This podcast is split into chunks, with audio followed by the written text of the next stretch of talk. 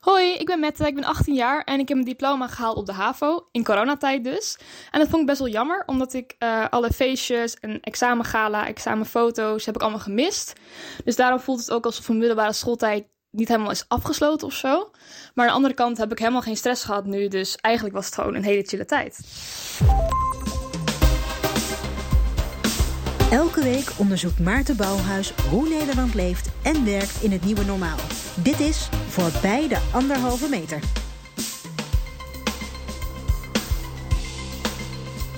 Dit is de zesde aflevering van Voorbij de Anderhalve Meter.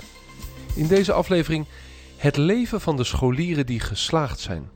Al twee maanden lang hangen door wijken in heel Nederland vlaggen uit met de schooltassen eraan.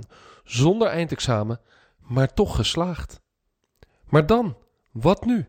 De geslaagde kandidaten hebben geen feestjes, vaak geen werk. Ze zoeken hun weg in een vervolgopleiding en dat blijkt lastiger te zijn dan ooit in die coronacrisis. Lot van Veen is oprichter van Intermijn en is in deze podcast te gast. Zij biedt studiekeuzeprogramma's aan in tussenjaren van scholieren en studenten. Ze was overigens docent en mentor op een middelbare school en daar kwam ook die motivatie vandaan om de jongeren beter te helpen. En naast haar is aangeschoven Annabel van Gestel, uh, hoofdredacteur van scholieren.com, een onafhankelijk informatieplatform voor en door scholieren. En zij neemt ons mee terug naar hoe de scholieren in Nederland keken naar minister Slop, die het centrale eindexamen uit de agenda veegt. Dat ze dus op de bank naar die uh, persconferentie van uh, minister Slop zaten te kijken en dat ze zo dachten: oh ja, oké, nou, ik ben geslaagd. En dat, dat je naast je ouders zat en oké, nou, gefeliciteerd. Dus dat was natuurlijk een heel gek moment om dan ineens begin april van de minister te horen van oké, nou, je bent geslaagd. Dus ja, dat was een heel. Maar het uh, grappige is dat uh, het grappige is dat je net zei van uh, ze zijn wel blij. Ja. maar het is natuurlijk ook heel bevreemdend. Of zijn er ook leerlingen boos of, of misschien teleurgesteld dat, dat zoiets, zoiets laten we zeggen, symbolisch als het eindexamen hun dus ontnomen is?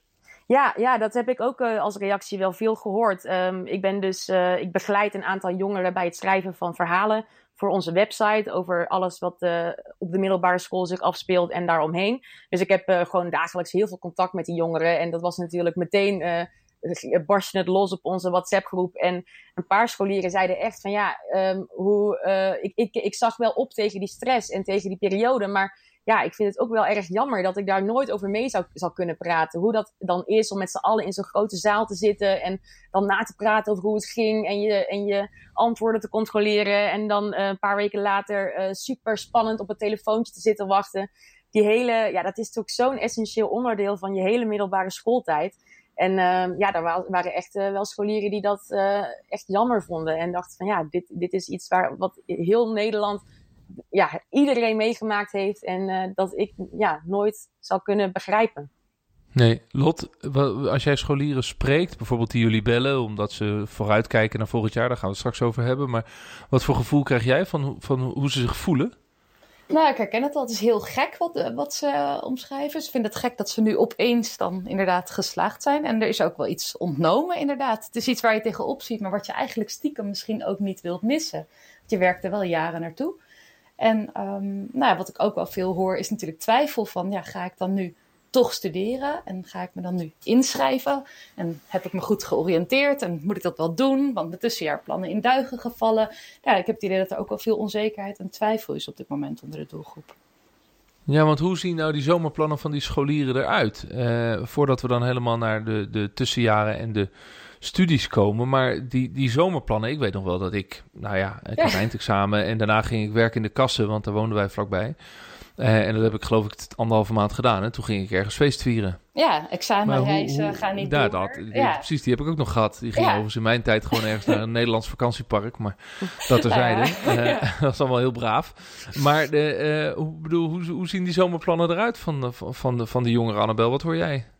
Ja, uh, het was natuurlijk ook gek omdat uh, er waren veel scholieren die echt nog wel veel toetsen en dat soort dingen moesten maken uh, na die aankondiging dat de eindexamens niet doorgingen.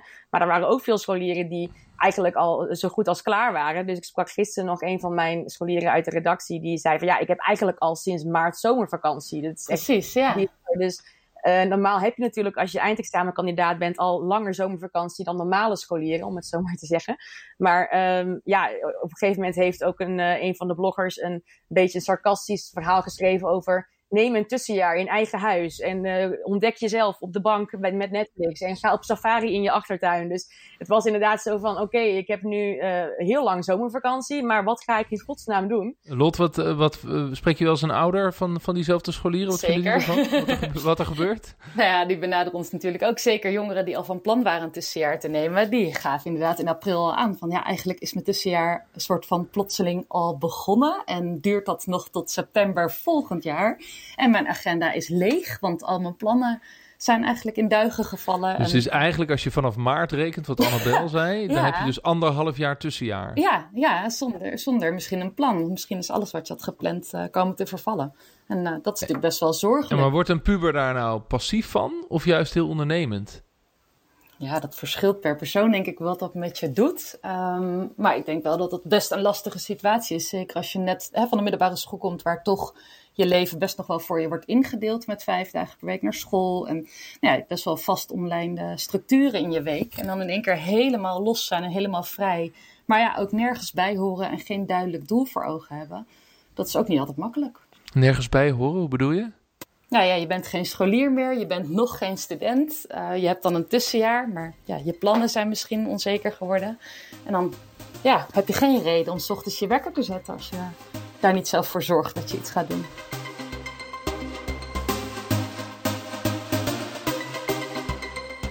Mijn naam is Jules Kremers en ik heb VWO gedaan. Um, ja, deze tijd met corona vond ik heel raar, omdat ik geen feestjes en geen examens had. En ik ga uh, volgend jaar vijf maanden naar Hawaii omdat ik het moeilijk vond om een keuze te maken voor mijn studie, omdat we in quarantaine zaten. Ik heb het wel een beetje te doen met uh, Jules. Ik praat verder met uh, Annabel van Gestel van scholieren.com en Lot van Veen van Intermijn. En uh, ik leg hen de vraag voor, ja, voor hoeveel scholieren dit probleem van een studiekeuze er nu is. Om de simpele reden dat iedereen die laten we zeggen, in de winter of in ieder geval voor 15 maart zijn keuze al gemaakt heeft. Ja, daarvoor verandert toch eigenlijk niet zoveel. Ja, dan verandert natuurlijk nog wel wat, omdat je niet weet hoe jouw hogeschool of universiteit of mbo-opleiding het afstandsonderwijs gaat inrichten. Um, dus ik denk dat het nog steeds wel een bepaalde onzekerheid met zich meebrengt. Maar goed, als je echt goed hebt georiënteerd en je bent heel gemotiveerd, dan zou dat prima te doen moeten zijn. Um, maar er zijn natuurlijk een heleboel jongeren die denken eerst dat examen halen en daarna ga ik wel kijken wat ik wil. Um, maar goed, je moet je natuurlijk voor 1 mei normaal gesproken inschrijven. Dit jaar is dat dan 1 juni, dus wel iets uitgesteld. Maar ik denk dat er heel veel jongeren wel met twijfel zijn en um, ja, wel uh, ja, daar nog goed over na. Maar dat betekent dat het is nu begin juni, 5 juni, als we deze podcast opnemen, uh, dat op zichzelf iedereen al, al een keuze heeft moeten maken. Ja, je had je 1 juni aan moeten melden als je aankomende september wil gaan studeren in HBO of WO. Ja. Ja, maar Annabel, wat is de praktijk? Uh, uh, hadden jongeren het een beetje op orde? Hebben ze kunnen kiezen? Of heeft corona juist ook in dat keuzeproces heel veel invloed gehad? Ja, dat, dat hoorden we inderdaad veel. Dat veel jongeren het uh, echt lastig vonden om zeker te zijn van hun studiekeuze. Er zijn natuurlijk, als je in je laatste jaar zit, ben je over het algemeen al wel, heb je je al ge georiënteerd en heb je vaak toch in ieder geval wel een paar studies waarvan je denkt, nou, dat lijkt me wel, dat lijkt me wel leuk. Maar je hebt in het voorjaar, rond maart en soms in februari, maar vooral maart, april, ook nog veel open dagen, meeloopdagen, proefstudeerdagen. Uh, en dat zijn toch wel momenten waar veel jongeren gebruik van maken om die knoop echt door te hakken. Van oké, dit wordt hem. En ook om natuurlijk een feeling te krijgen van oké, wat is de sfeer op de universiteit of op de hogeschool? hoe, hoe, hoe ziet die stad eruit? Om daar een beetje, dat een beetje te gaan verkennen. Um, en ja, dat viel natuurlijk ook erg plotseling weg. En toen zijn eigenlijk op stel en sprong veel uh, onderwijsinstellingen hebben toen um, uh, online open dagen en zo opgezet. Maar ja, dat is toch natuurlijk wel heel anders dan als je er echt rondloopt.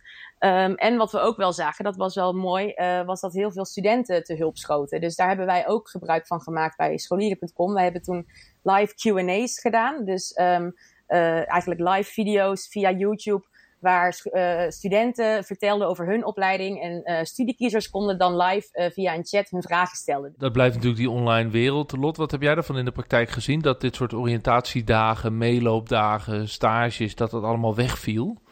Nou, ik denk wel dat HBO's en universiteiten wel echt hun best hebben gedaan om een goed alternatief te bieden online. Maar ja, wat Annabel zegt, dat is nooit helemaal te vervangen. Er mist ook een heleboel als je van achter je scherm gaat oriënteren. Um, dat is toch heel anders dan er rondlopen en met studenten en docenten in gesprek uh, gaan over de opleiding. Um, dus ik denk dat daar inderdaad wel echt, uh, ja, echt iets is weggevallen wat het keuzeproces gewoon niet makkelijker maakt op dit moment.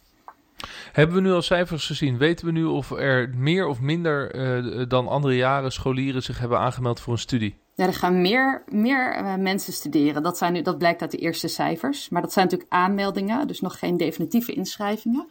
Uh, die worden in de loop van de zomer duidelijk. Maar het lijkt erop alsof er meer jongeren nu toch een studie gaan kiezen. En dat is natuurlijk wel denk ik, te verklaren, omdat een tussenjaar op dit moment onaantrekkelijk kan lijken. Als je reisplannen vervallen of je horecabaantje gaat niet door. Dat je dan denkt, nou ja, dan ga ik toch maar studeren. Want een heel jaar niks doen is ook zo wat. Um, en door het wegvallen van het centraal examen zou het kunnen zijn dat er meer mensen natuurlijk geslaagd zijn. En er dus ook meer studenten zijn.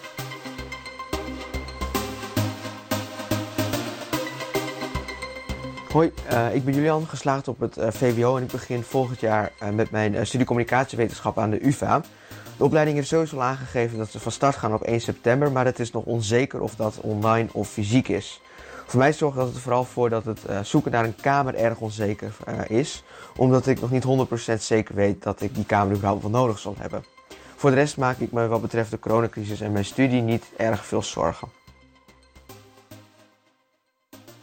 En zo gaat het gesprek dus over de studiekeuzes van uh, de jongeren en hoe lastig het is om je te oriënteren. Maar steeds meer jongeren kiezen voor een tussenjaar. Eigenlijk lijkt het al gemeen goed. Lot van Veen is daar dagelijks mee bezig, het begeleiden van tussenjaren.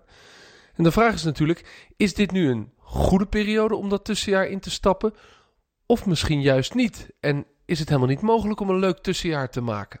Als je reisplannen had of vrijwilligerswerk in het buitenland, om, nou ja, om een of andere reden de grens over wilde, dat dat voorlopig echt wel lastig is. Dus die plannen zijn in duigen gevallen. In ieder geval voor, denk ik, de start van je tussenjaar, dat je dat nu wel zou kunnen zeggen.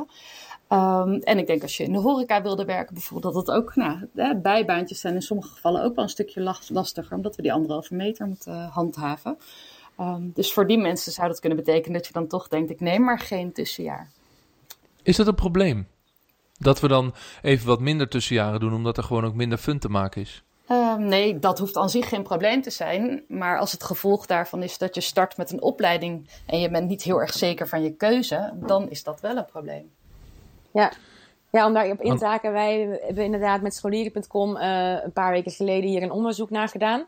Uh, een paar honderd uh, scholieren of jongeren die ehm, een tussenjaar gepland hadden, die hebben daarop gereageerd. En daaruit blijkt inderdaad dat ehm, uh, een heel groot deel van de, uh, bijna de helft van de jongeren die een tussenjaar in het buitenland gepland hadden, die uh, heeft toch besloten te gaan studeren. Dus, en daar hebben dus ook heel veel jongeren op gereageerd van, ja, het is balen van mijn tussenjaar dat dat niet doorgaat. Maar nu moet ik ook ineens in een maand gaan kijken Precies, wat ik wil gaan studeren. Terwijl ik me er eigenlijk helemaal niet op georiënteerd had. Omdat ik in mijn tussenjaar hoopte te ontdekken waar ik, wat ik leuk vind en waar mijn Maar hoe hebben ze dan toch een keuze kunnen maken? Annabel, hoe hebben ze dan toch een keuze kunnen maken? Um, ja, nou, ik sprak een, uh, een meisje, zij heeft haar HAVO-diploma gehaald. Zij was van plan om naar het buitenland te gaan. Ze had nog geen hele concrete plannen, maar dat ze naar het buitenland zou gaan, dat uh, had ze echt al jaren geleden besloten. Um, en nou ja, toen ging dat niet door en ze, ze wist niet zo goed wat ze wel wilde. Want ze, ze dacht wel van ja, dat tussenjaar, dat wil ik echt nemen om, om te gaan reizen. En um, ja, dus toen heeft zij zich, uh, en ze heeft zich ook expres eigenlijk waarvan het natuurlijk achteraf wel zei, dat was misschien niet zo handig, maar uh, niet heel erg georiënteerd op studies, omdat ze dus uh, echt in het tussenjaar wilde gebruiken om te ontdekken uh, wat, ze, wat ze wilde doen. En zij zei, ja, ik heb me nu voor vier opleidingen ingeschreven.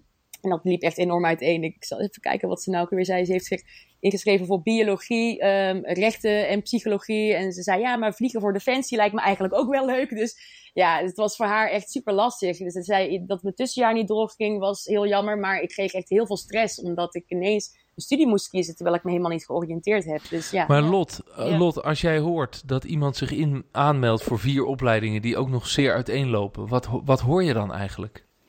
Um, nou, ja, ik, ik vind het wel zorgelijk. Um, kijk, als je inschrijft aan een opleiding en je hebt onvoldoende georiënteerd, dan is die kans op uitval gewoon best wel groot. En dat is normaal gesproken al zo. We kampen in Nederland echt al jaren met hoge uitvalcijfers in het eerste jaar van HBO en WO.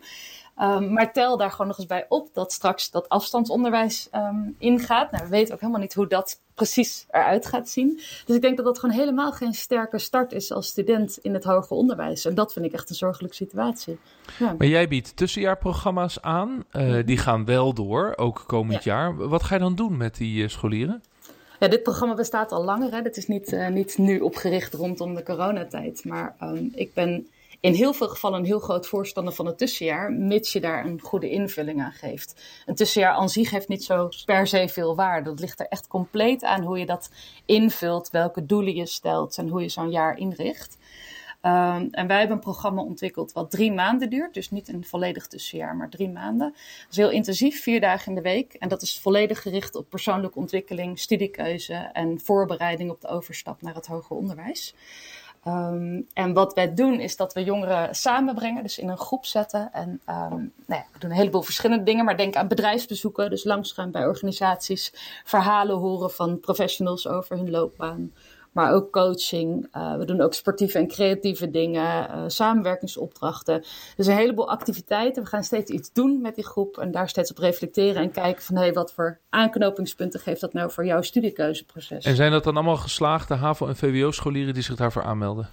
Uh, ja, dus dat zijn jongeren die inderdaad net HAVO of VWO-examen hebben gedaan en een tussenjaar willen en dat tussenjaar gewoon goed willen invullen. Dus zo bij ons terechtkomen.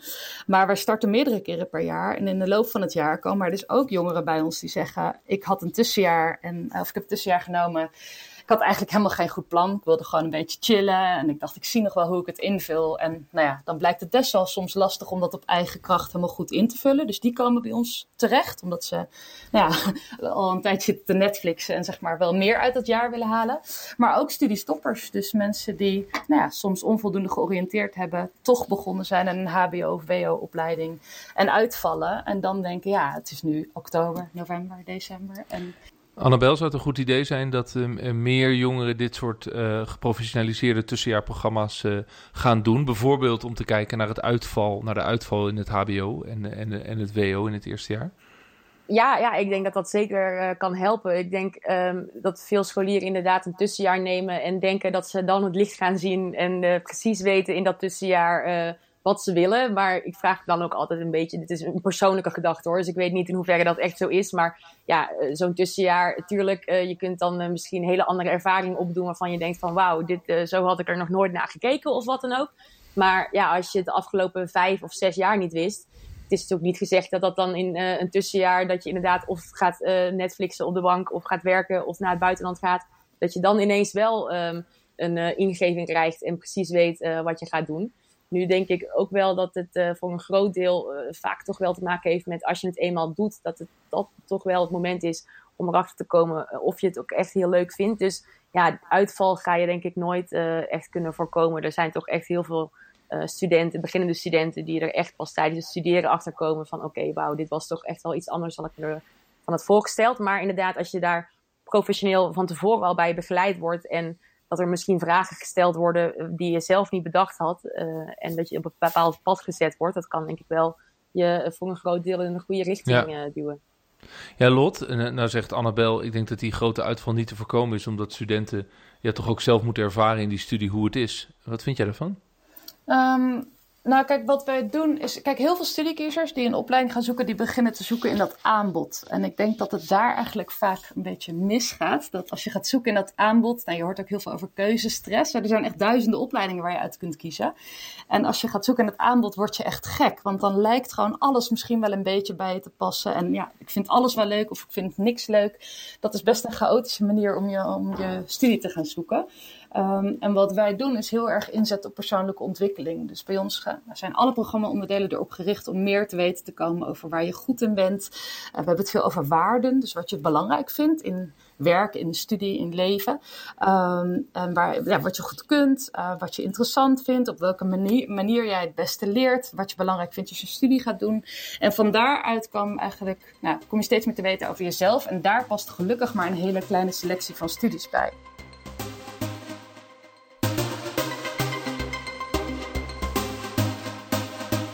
Hoi, ik ben Hanneke. Ik heb net mijn gymnasiumdiploma gehaald en volgend jaar neem ik een tussenjaar.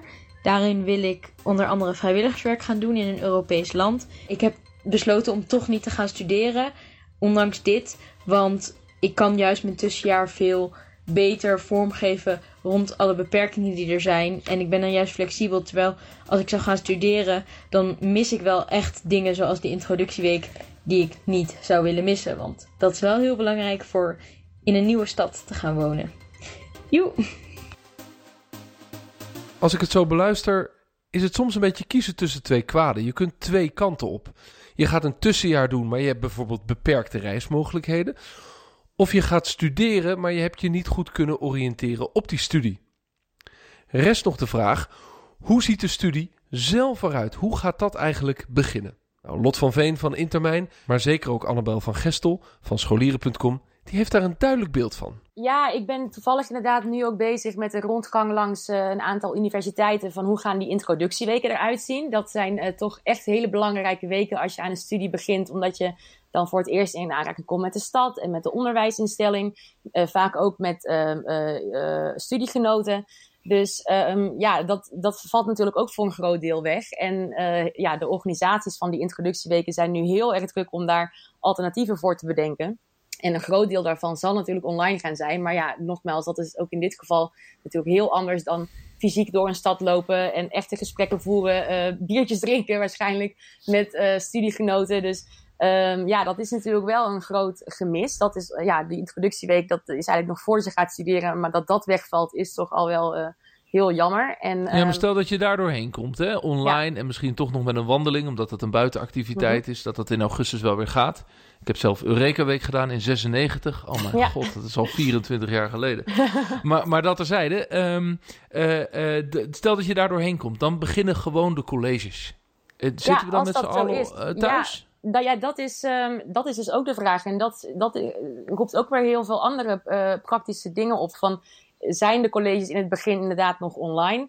En uh, ja, als dat zo is, dan hoef ik dus voorlopig geen kamer te gaan zoeken. Stel je gaat in een verre stad studeren, dan moet je het eigenlijk toch wel een beetje beginnen met het zoeken naar een kamer. Maar ja, als de eerste maanden de colleges nog online uh, zijn, heeft dat ook weer wat minder haast. Maar daar is nog heel veel onduidelijkheid over. En inderdaad, als ze wel doorgaan fysiek, uh, dan misschien in kleinere groepen. Maar daarover zeggen ook weer veel scholieren. Ja, dat hele, uh, dat hele begin van, het studenten, van de studententijd, die ik, waarbij ik zoveel dingen ga mislopen. Ja, dat, dat, dat zie ik ook niet zitten. Dus ik heb ook, um, dus we hebben ook verschillende scholieren in dat tussenjaaronderzoek aangegeven juist een tussenjaar te nemen, omdat ze het niet zien zitten om te gaan studeren in deze tijd. Dus, nee, dat is ook begrijpelijk. Lot, wat hoor ja. jij van de onderwijsinstellingen? Hoe ze het willen gaan doen komend jaar? Ja, de eerste geluiden die ik hoor is dat het echt in het najaar ook nog wel deels online zal zijn. Dus ik denk dat dat wel um, ja, een heel denkbaar scenario is. En wat, ik, ja, wat, ik, wat denk ik lastig is, kijk, voor studenten is ook de binding die je gewoon hebt met je medestudenten, met de docenten en daarmee met het hele instituut en met de studie is heel belangrijk. Juist ook om het vol te houden als je dingen aan het begin lastig vindt of onduidelijk vindt. Dus ik ben heel benieuwd hoe hogescholen en universiteiten ervoor gaan zorgen dat studenten zich ja, verbonden voelen met elkaar en met de opleiding. Ja, maar dan ben je dus voorbij de anderhalve meter in de hoop Ja. dat we dat een beetje kunnen loslaten na de zomer. Dan begint je studie Ja. en dan zit je nog wel in een online opleiding. Dan is die binding zoeken gewoon heel moeilijk. Je kunt Ja. de hoop uitspreken dat onderwijsinstellingen daar wat aan gaan doen, maar dat wordt toch gewoon echt heel ingewikkeld. Ja, lijkt mij ook. Lijkt me een enorme uitdaging waar ze voor staan. Ehm, ja, je kunt natuurlijk wel ook wel hè, in persoonlijke begeleiding online kun je ook wat een en ander doen. Maar ja, ze hebben natuurlijk grote studentenaantallen, dus je kan moeilijk uh, ja. iedereen s ochtends wakker facetimen of zo. Nou ja, de uh, Vereniging voor Universiteiten die heeft al gezegd uh, dat zij uh, in principe vinden dat de universiteiten alles thuis moeten organiseren. Tenzij het op de campus moet. En dan moet ja. je bijvoorbeeld denken aan een practicum in een laboratorium. Ja, ja. ja dat wordt lastig thuis voor een chemiestudent. Ja, wel leuk, maar wel lastig. Uh, um, dus dan, dan, ja, dan zitten dus die, die, die zalen vol met rechtenstudenten en psychologiestudenten. Ja, die zitten gewoon voorlopig nog thuis. Ja, ja. Moeten we, ja, bedoel, jullie zijn er nog redelijk uh, gematigd over. Maar ik, ik word hier niet heel optimistisch van als het gaat over de uitvalcijfers. Waar jij ook altijd over spreekt, Lot. Ja, dat nee, dit, ik maak dat dit de kans op uitval uh, Ja. alleen maar groter maakt. Nou ja, dat vraagt enorm veel van een onderwijsinstituut, van de docenten om die lessen dan goed te verzorgen, maar ook van de student. Het vraagt een heleboel discipline om die, die colleges ook daadwerkelijk te gaan volgen. En ja, je moet ook je zelfstudie, studievaardigheden, om dat allemaal bij te houden. Het is ook hartstikke vermoeiend online dingen volgen. is heel anders dan in het echt in face-to-face, zeg maar. Dus ja, nee, ik vind het een hele zorgelijke situatie. En ik weet, ja, ik weet ook niet of ik mijn kind nu zou aanraden om nu te starten met een studie. Tenzij hij misschien heel, heel, heel zeker weet wat hij wil. Maar ja, anders vind ik het wel spannend. Het lijkt me geen sterke start.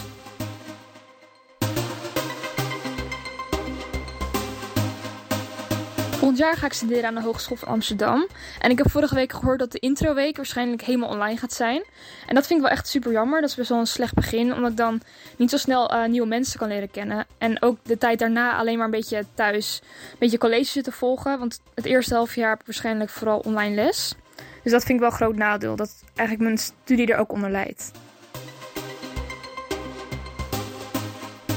Tja, het is een gekke tijd voor de scholieren.